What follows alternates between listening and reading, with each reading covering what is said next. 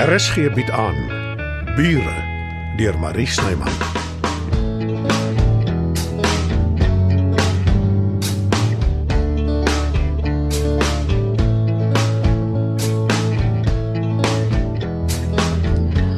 ook al tussen jou en my ma gebeur het, jy hoef nie daaroor te praat nie, Marleen. Ek weet hoe moeilik dit is vir jou om om Sê dit maar om die waarheid in die oë te kyk. dis moeiliker as mens jonk is. Ek het ook gesukkel. Ek sou nooit kon doen wat jy vandag gedoen het nie. Miskien is ek net te bekommerd wat mense van my dink. Ek was ook altyd. Mens kom op 'n punt wat dit nie meer saak maak nie. Jou ma, jy praat nooit sleg van haar nie. Was sy so 'n wonderlike mens as wat jy voorgee? Almal het hulle foute. Jy het nie regtig oor die weg gekom nie, nê? Dit gaan maar so met ma's en dogters. Wel, ehm in haar testament, uh sy het alles aan my nagelaat. Maar dis goed so. Dit kan seker nie te veel wees nie. Inteendeel, sy het jou nooit vertel nie, maar uh, toe jou pa dood is, daar was 'n redelike groot lewenspolis. Soos jy weet, het sy nie spandabel gelewe nie en sy het alles weggesit.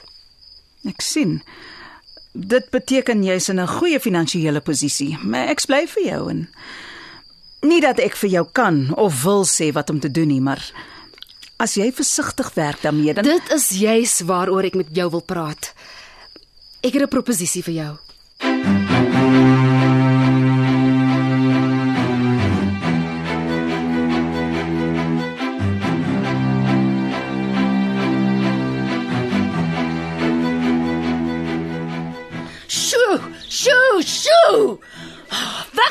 Julle. Verpestelik goed. Ha? Nou ja, as julle nie wil luister nie. Genade, Dita, wat maak jy? Jaag die nare duwe weg. Jy gesien hoe lyk my dak? Hulle bevuil alles.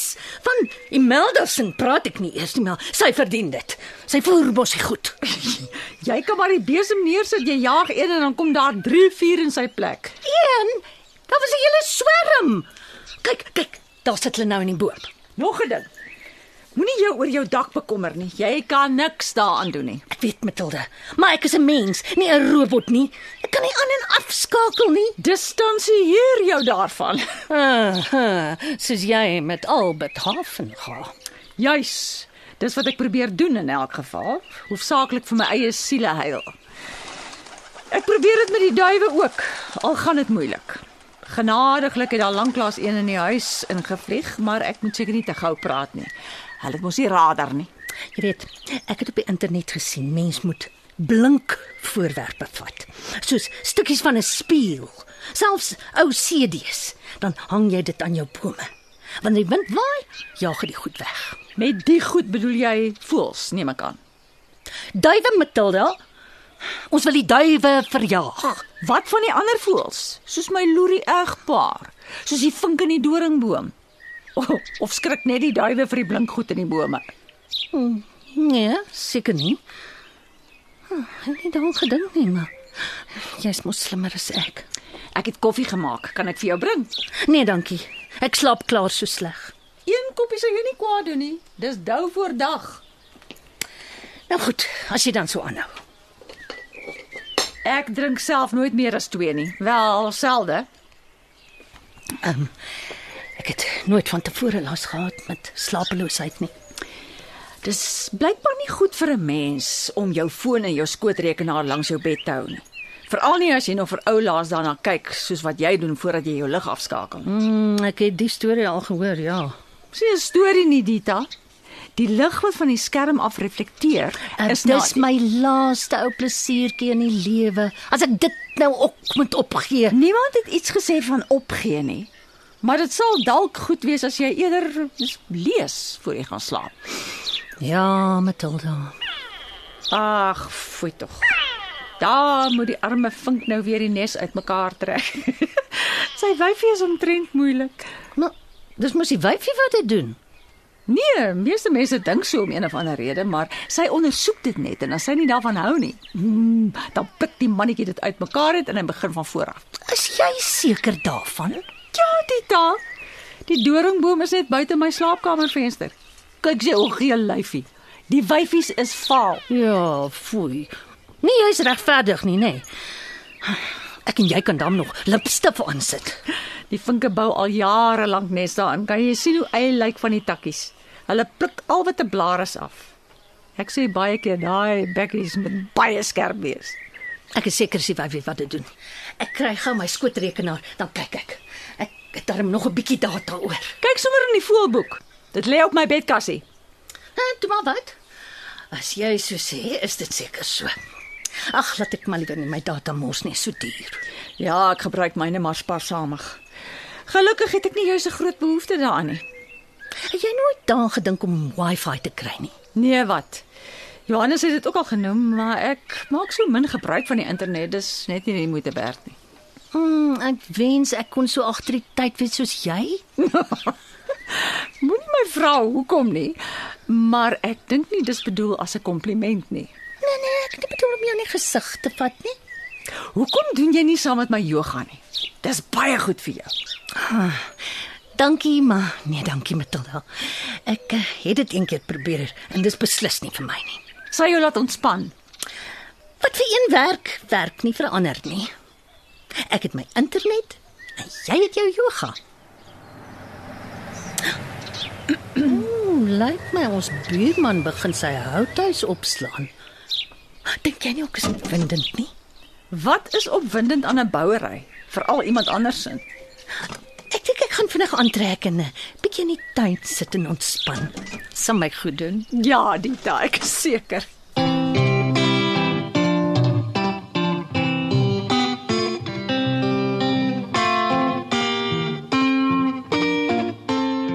Ek het heelwat navorsing gedoen.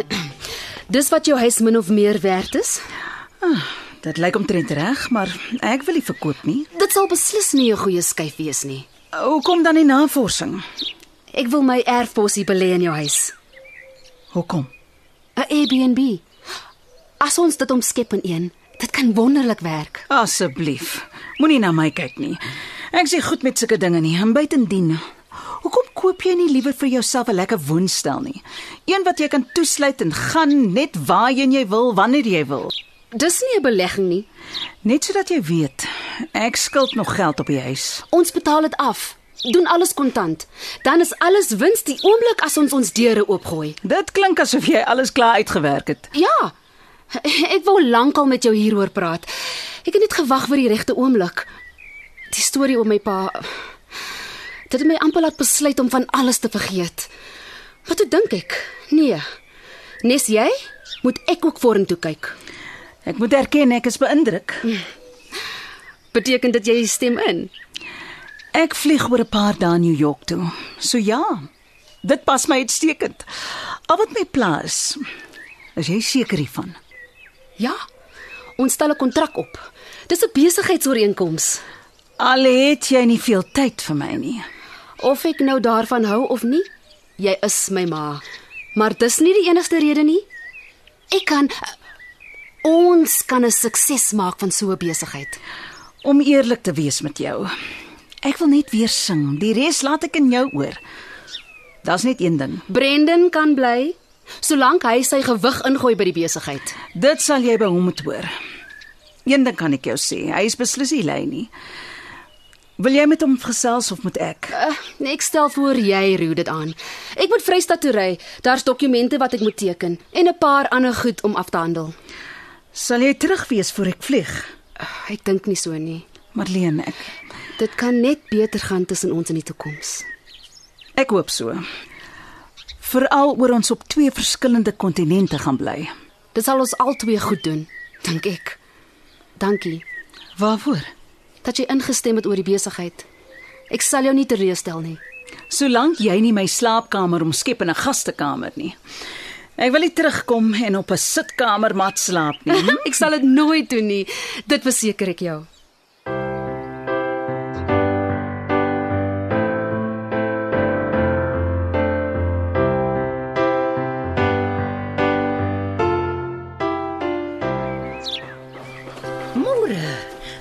Pragtige oggend, nê? Nee. Môre Dita. Ja, inderdaad. Ek sien jou boumateriaal is afgelewer. Hoe werk dit? Moet mens nie eers jou planne goedgekeur kry nie? Ekskuus, ek probeer nie moeilik wees nie. Toe maar ek weet jy is onskikkelik. Ja, ja, ek is nog. Gelukkig hoef ek nie my kop daaroor te breek nie. Die ouens wat die houthuis oprig, sorg vir die planne. Dis gaaf. En uh, hoeveel slaapkamers beplan jy? Net een. Ek sien. Dis twee verdiepings. Onder is die leefarea en bo slaap ek. Alles oop plan. Perfek vir 'n alleenloper. Hm, jy sal nou seker nie die res van jou lewe alleen wees nie. As ek nou voel, ja, beslis. Maar as jy die regte vrou ontmoet, eh, dis net te sê as jy haar nie al klaar ontmoet nie. Uh, nee wat, uh, nie sommer nie. My baanrekord is nie goed nie. Ai, weet jy. Dis presies wat ek altyd van myself sê. Ek het ook al baie foute gemaak. Oh, was jy ook 'n paar keer getroud? Nee. Ek het nooit voor die kansel beland nie. Een keer amper, maar ag, is 'n lang storie. Dalk vertel ek jou een aand oor 'n glas wyn. Ja, ja oppas tog dat jy nie te naby aan die rooi wa kom nie, ouens. Ek soek nie krapmerke op my kar nie. Ek het nog altyd gewonder hoe ry die MG. Eers het nog beloof hy sal my vat vir 'n toetsrit, maar ag, sy het tog nooit so ver gekom nie. Dis maar 'n ou kar. Redelik plat op die grond. Nie baie gemaklik nie. Ek sou nog tans graag self wil voel. Dit hoort eintlik in 'n garage. Die aftak hou nie die stof van my kar af nie. Miskien is beter as jy dit erns anders parkeer. Nou, dit is die plan. Ongelukkig is garages in die omgewing skaars. As ek nou Matilda se arm kon Ai nee. Jy kan dit nie doen nie. Sy sal dit in elk geval nooit toelaat nie. Wel, dalk kan jy vir my 'n goeie woord doen, hè? Ek het ongelukkig nie veel invloed by haar nie. O, en toe. Waar's jou inskikkelikheid nou? Ag, ek kan seker probeer, maar ek beloof niks nie. Ek hoor by Joe, sy is so 'n goeie kok. Nou wat dink jy is die moontlikheid dat sy my een aand sal oornooi vir ete? Ek wil nie snaaks wees nie, Albert, maar ek dink nie Matilda hou baie van jou nie. Ja, dis omdat ons op die verkeerde voet afgeskop het. Sodra sy my behoorlik leer ken, sy sal heeltemal anders voel oor my. Jy klink seker van jou saak. Jy kan my van baie dinge beskuldig, Dita.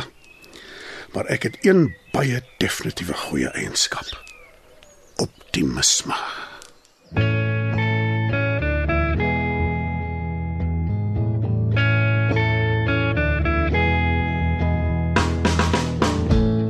Bure word in Johannesburg opgevoer deur Marie Snyman. Die tegniese versorging word behartig deur Bongie Thomas.